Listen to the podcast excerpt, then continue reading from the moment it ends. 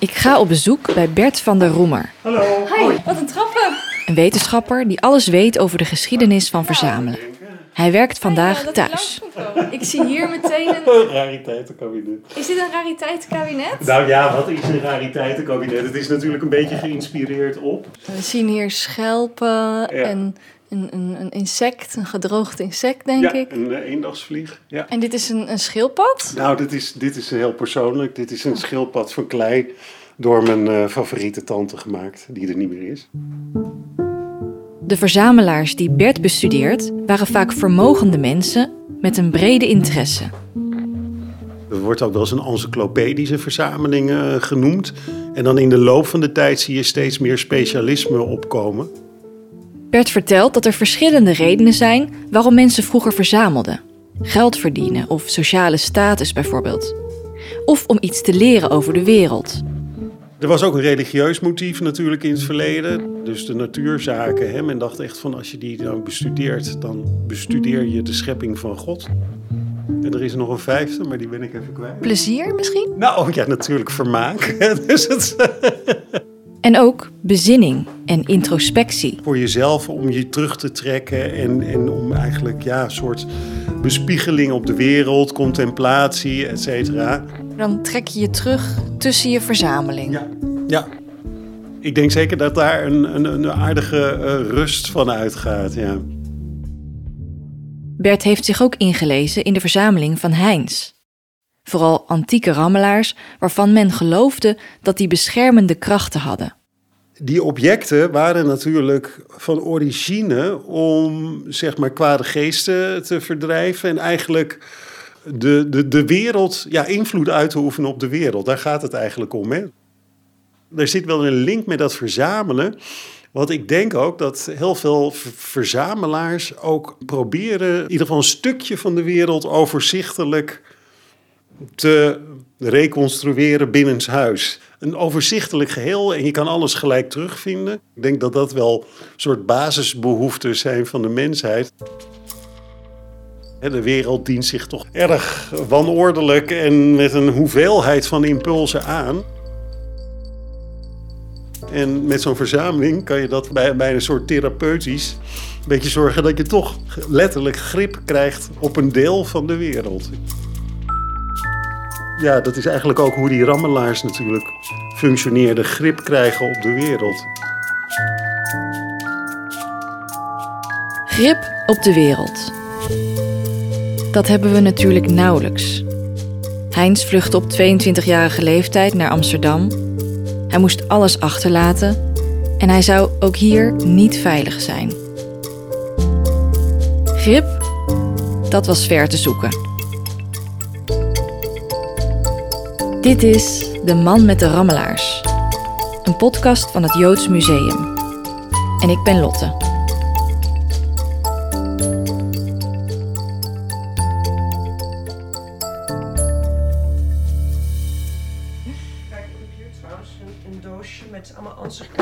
Ansichtkaarten die Heinz heeft ontvangen. Dan zie je wat mensen hem Ik zit in de werkkamer van Mirjam Knotter. Sinds de vondst van het levensverhaal van Heinz is ze bezig geweest om alle aanknopingspunten over zijn leven uit te pluizen. Ja, Heinz komt dus um, in april 1933 op het Centraal Station aan. Totaal eigenlijk onder de indruk, want die dag was begonnen gewoon als een normale werkdag. En hij krijgt te horen dat hij gearresteerd dreigt te worden. Hals over kop gevlucht, niks bij zich. Je ziet dat hij in die tijd op pensioenkamertjes slaapt. We weten van getuigen uit die tijd dat hij geen cent te makken had. Hij had echt niks. Hij had één broek.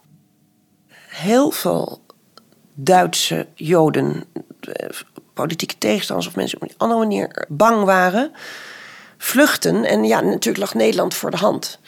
Maar uh, denk maar niet dat hier een heel warm welkom uh, was voor die treinen vol vluchtelingen. En uh, ja, je ziet ook dat echt die opvang wordt dan verzorgd door een organisatie, een Joodse organisatie die zich over vluchtelingen bekommert. En die dan in ieder geval adressen voor ze gaat vinden waar ze kunnen slapen. En dan gaat hij, nou een paar weken na zijn aankomst, via hen naar een voorstelling van een net opgericht ballet, Ballet Dynamo. En hij zit daar in die zaal en hij is flabbergasted wat hij daar ziet. maskers, uh, gemaskerde figuren die Hitler voorstellen. Die wordt gepeupel, onder de voet wordt gelopen. Nou, hij was echt meteen verslingerd. Na de pauze gebeurde het en ik was aangenaam verrast. Het was weliswaar meer pantomime dan dans, maar de satirisch vermomde acteurs die fascisten, kapitalisten, militaristen enzovoort voorstelden, die uiteindelijk door arbeiders, werknemers en boeren van het podium gejaagd werden, waren subliem. Hier gebeurde waar we in Hannover op gehoopt hadden. Enkele weken later trad ik in hetzelfde gezelschap op, geschminkt als Hitler, tot waanzinnige uitputting aan toe met een bloederige beulenbijl zwaaiend tot de klassebewuste arbeiders me onder de voet liepen.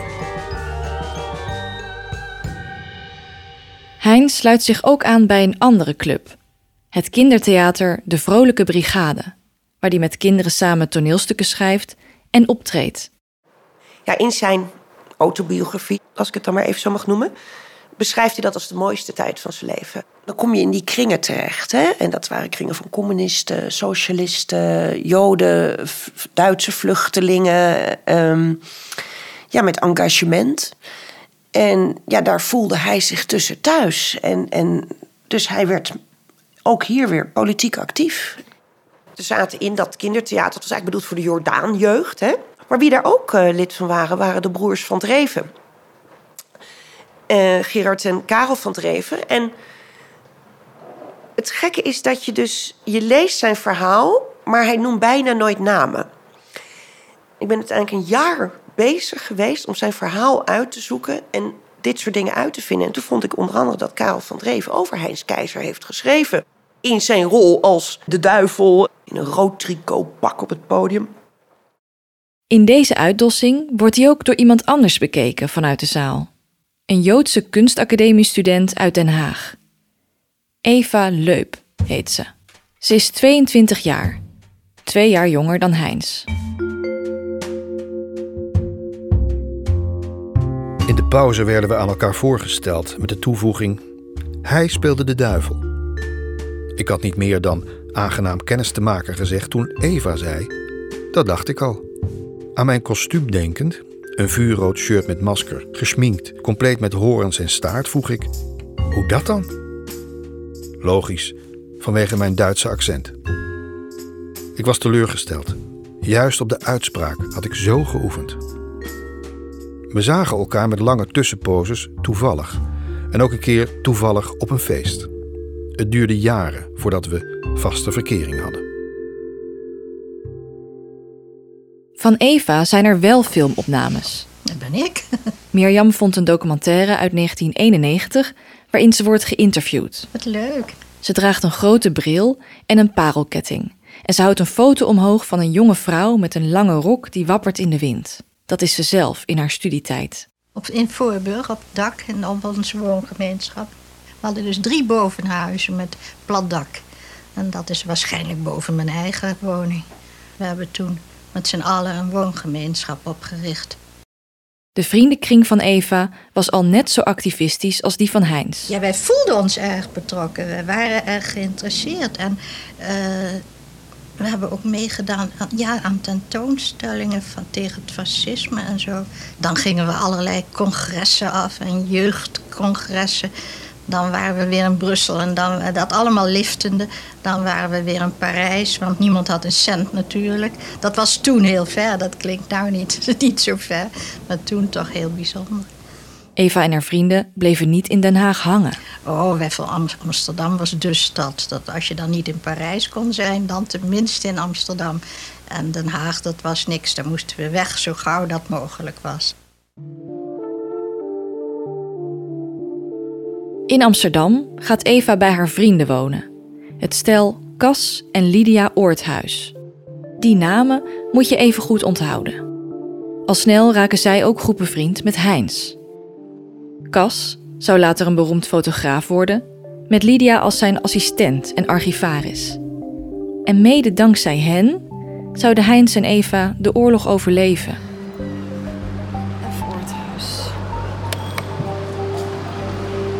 De kinderen van Cas en Lydia Oorthuis leven nog. Hallo. Kom binnen. Bedankt. Hun jongste dochter Fenna bijvoorbeeld. Een vrouw met grijze krulletjes. Als kind en later als volwassene leerde ze Heinz en Eva kennen. Maar die vooroorlogse jaren, die kent ze alleen van de verhalen. Ik weet wel dat mijn moeder altijd zei dat ze heel arm waren. Maar ik begreep wel dat ze het ontzettend uh, fijn hadden met die vrienden. Van haar ouders weet Fenna dat Heinz en Eva dol waren op elkaar. Dat, dat zei men, ja, ja, ja, ja, ja. Ze hadden een heel heftig seksleven. Dat, dat mijn ouders maakten er grapjes over. Ze konden slaande ruzie hebben. Dus dan dacht iedereen van, nou, wat is nu aan de hand? En dan, omdat ze dus in één pand toen op de Kleuverliesburg wel zaten... waar Heinz ook vaak langskwam... dan hoorden ze dus s'nachts dus de geluiden van een heftig seksleven. Dus het was een stel waar de vonken van afvlogen. Op beide manieren. op beide manieren, ja, ja. Dat bedenk ik nu ter plekke, maar het is waar. Ik was het vergeten eigenlijk. Hè? Maar het komt door jouw vraag dat ik opeens denk van... Goh, ja, dat, dat waren de, de twee kanten van hun uh, samenleven. Ja. In 1940 slaat al deze gezelligheid om. Heinz is op dat moment verplicht in dienst. Hij zit in de motorbrigade. En toen de capitulatie kwam, zat hij dus met zijn leden van de motorbrigade. Moesten ze afwachten dat het commando werd overgenomen. Nou, en daar schrijft hij van dat hij wel wist um, dat hij toen groot gevaar liep. Als Jood en als politiek tegenstander. Ik was na de capitulatie uit het leger gedeserteerd. Het was dus beter om niet naar mijn oude adres terug te keren. Ik had de nazi's al van te dichtbij meegemaakt om niet doodsbang te zijn. Moest ik aannemen in Hannover in de ogen van de nazi's een openstaande rekening te hebben achtergelaten? Ik had ook in Holland als antifascist niet stilgezeten. Dus hij vlucht dan. En hij duikt dus al in mei 1940 onder. Eerst schuilt Heinz op het adres van Eva. Maar al snel wordt het in Amsterdam erg grimmig en besluiten Heinz en Eva de stad te verlaten. In een klein plaatsje tussen Amsterdam en Utrecht vond ik met veel, heel veel geluk een geschikt onderkomen. Op een klein landgoed stond de woning in het koetshuis leeg en dus trokken Eva en ik in deze koetsierswoning in. Met de eigenaar, die het herenhuis zelf bewoonde, viel goed te praten. En toen ik vertelde dat we Joden waren en je niet kon weten wat er allemaal nog ging gebeuren, was hij des te meer bereid om het huurcontract met mijn Arische vriend Cas Oorthuis af te sluiten. In Loenersloot kwamen Cas en Lydia soms ook op bezoek bij Heinz en Eva. Als ik in het Joods Museum ben om wat mappen met foto's en documenten van Heinz te bekijken, haalt conservator Lisa de Goffouw een foto tevoorschijn die Cas tijdens zo'n bezoek gemaakt heeft. Heinz Keizer met een foto van hem en dus inderdaad ja. Hanna, Hansje, Oorthuis. Ja, die foto vind ik heel bijzonder. Ja, leuk is die, hè? Op de foto zie je Heinz gezicht van dichtbij. Op zijn schouders zit Hansje Oorthuis, de oudste dochter van Cas en Lydia, die dan een paar maanden is. Heinz is op deze foto 30. Ik kijk dus naar een leeftijdsgenoot. Hij heeft een kapsel dat bovenop wat langer is dan aan de zijkanten. Bij zijn ogen zie ik de eerste lachrimpels en in zijn voorhoofd ook wat subtiele lijnen. Hij is niet onknap. Het, is, het zou zo gewoon 2021 kunnen zijn. Uh, het kindje, Hansje Oorthuis, heeft ook echt er knuisjes vastgegrepen in zijn haar. Juist als je gewoon alleen deze foto bekijkt, ziet het er gewoon uit als een hele vrolijke, leuke jonge man. Over de bezoekjes van Cas en zijn gezin heeft Heinz ook geschreven. Onze goede vrienden ontvluchten in het weekend Amsterdam en kwamen met het hele gezin bij ons langs. Ze vertelden ons expres niet alles wat er gebeurde. Ze woonden 100 meter van het Waterloopplein, het midden van de Jodenbuurt. Maar wat we hoorden over wie er in de vriendenkring, Joods en niet-Joods, was opgepakt en over wat er zich zoal afspeelde, was onbeschrijfelijk. Ik wil dan ook geen poging doen het te beschrijven. Bovendien is het in de totaliteit bezien toch nog niets. Het zou vele malen gemultipliceerd moeten worden. Eva was inmiddels, net als alle andere Joden bij de gemeente, ontslagen. Voor Joodse kinderen waren speciale scholen geopend en ze gaf in een van die klassen les. Moest een ster dragen, een speciale vergunning voor de trein en tram hebben, etc. etc. Bij ons in de buurt werden s'nachts ondergedoken Joden door overvalcommando's gearresteerd. Ik had een touwladder boven mijn bed hangen om in het geval van zo'n overval, ik had bijna onverwachte overval geschreven wat niet de waarheid zou dekken, snel naar de voormalige hooizolder en van daaruit het dak op te kunnen vluchten. Ik kon me vaak uit pure angst niet bewegen en kwam met gespitste oren weer op de hooizolder tot bewustzijn.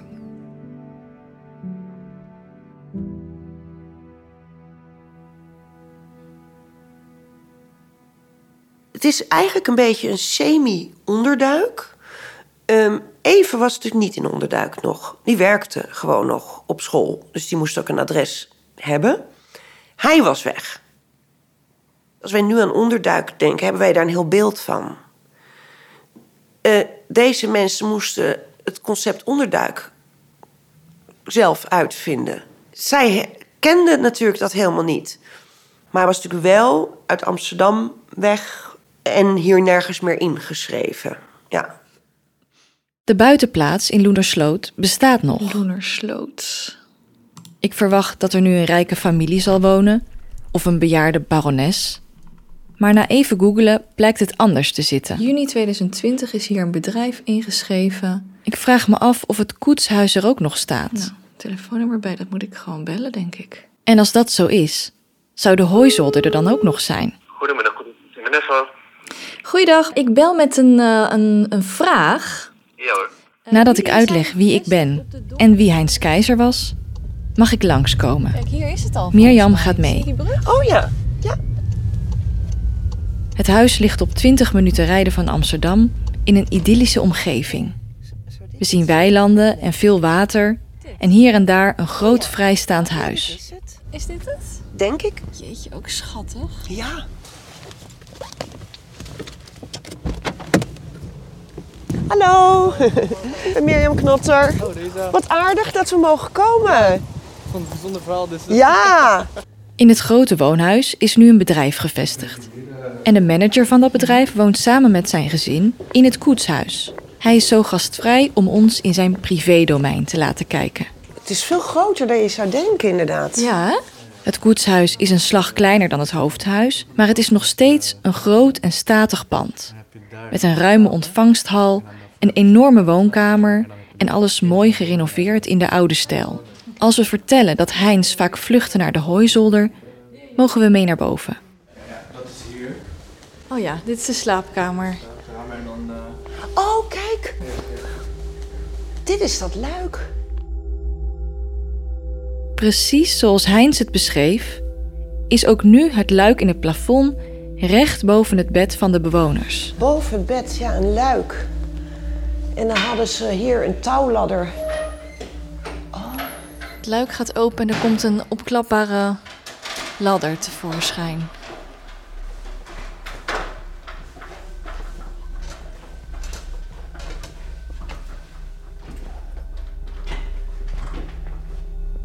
Jeetje.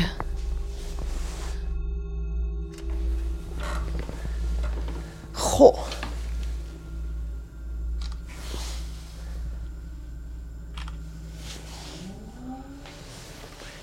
Ja, En dit raampje, dit is echt nog het oude raampje, denk ik.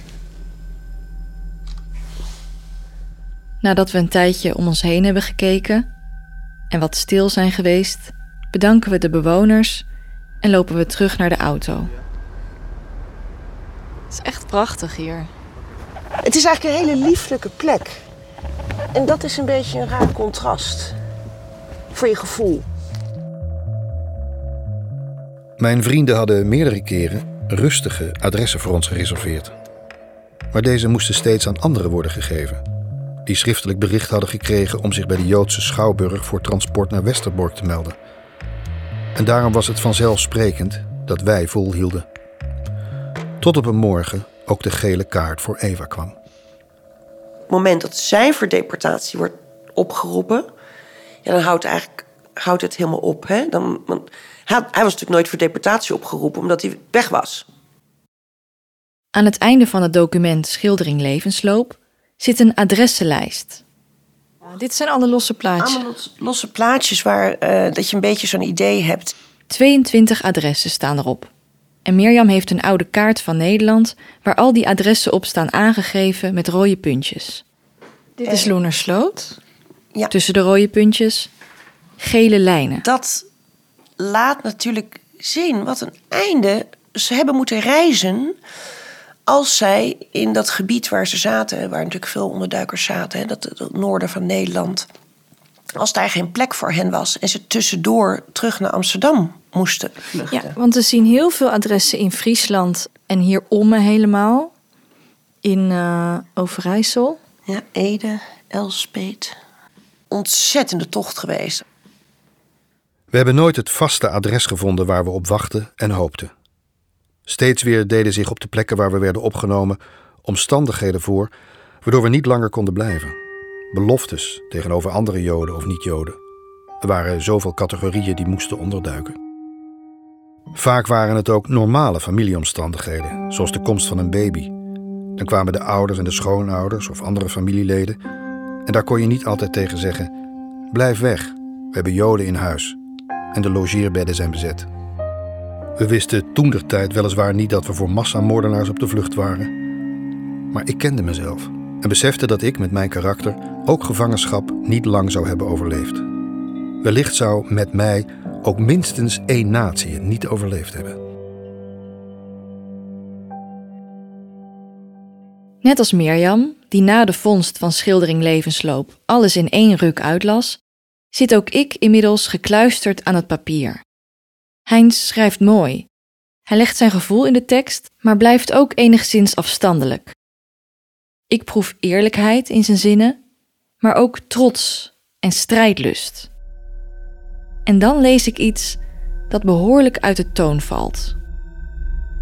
Ook moesten we op een dag met schrik vaststellen dat Eva, ondanks alle voorzorgsmaatregelen, zwanger was. Nog tot op de dag van vandaag ben ik van de juistheid van het toenmalige besluit overtuigd. Afbreken. Denken over hoe, waar, wanneer en wie. Nog een reis naar Amsterdam. Samen, alleen. Vanwege mogelijke complicaties, toch liever samen.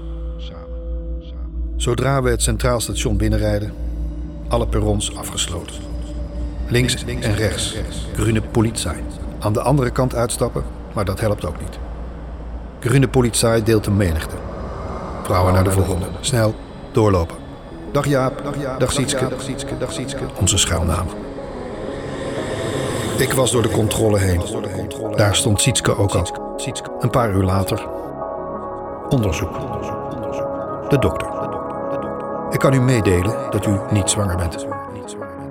En dat klopte op dat moment ook al. Deze passage komt compleet uit de lucht vallen. Hij laat geen witruimte tussen dit stuk en het vorige. Hij begint niet eens op een nieuwe regel. En Heinz besteedt meer woorden aan de reis dan aan de zwangerschap en de abortus zelf. Denken over hoe, waar, wanneer en wie. Alleen, waar en wie. Toch liever samen, liever samen, toch liever samen.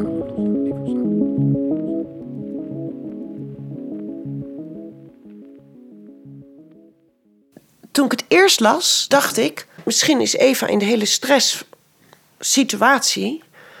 eh, het kind al eh, verloren. Hè, is er een, een spontane abortus geweest of een miskraam? Het later opnieuw lezend... denk ik dat hij met dat zinnetje zegt... het is gebeurd. De dokter heeft de abortus Het is gebeurd. En, en eh, zo interpreteer ik het later. Ook omdat ik in een soort later rapport van een zenuwarts wordt deze abortus ook nog genoemd. Dat was toch ook weer traumatisch. Je kunt het kind niet krijgen, want met zo'n babytje is de kans dat je nog een onderduikplek vindt of, of ontdekt wordt, is natuurlijk hè, één groot risico. En om dat te voorkomen, moet je acuut een heel ander levensbedreigend risico gaan nemen.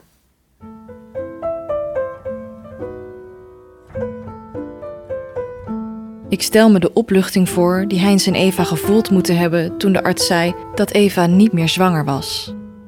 Maar ze waren ook dertigers, in de bloei van hun leven en onder andere omstandigheden hadden ze dolgraag een kind gewild. Het moet heel wrang zijn geweest. De rest van de oorlog komen ze door onder enorme stress. Ze moeten 31 keer verhuizen. En als er echt nergens plek is, gaan ze naar het huis van Cas en Lydia Oorthuis.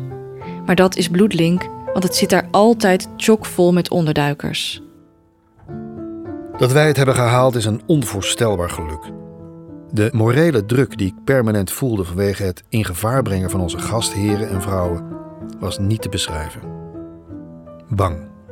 Ik was verschrikkelijk bang. Ja, het klinkt altijd zo naar om, om dat over iemand te zeggen. Want ik denk ook helemaal niet dat hij zou willen. Als dat wij of ik of iemand in deze termen over hem zou spreken. Maar het was een gebroken man. Ze hadden hem geknakt, die nazi's. Daar komt het op neer. Hij heeft uh, jarenlang echt in een uh, levensangst verkeerd. En dat doet heel veel met een mens.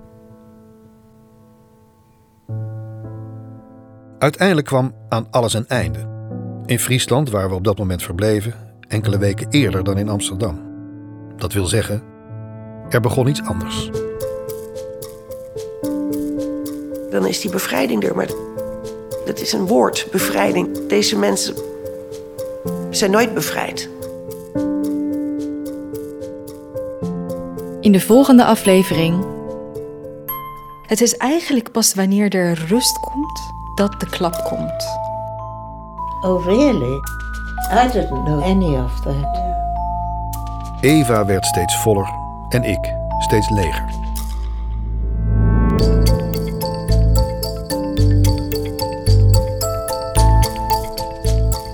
De Man met de Rammelaars is een podcast van het Joods Museum. En mijn naam is Lotte van Galen.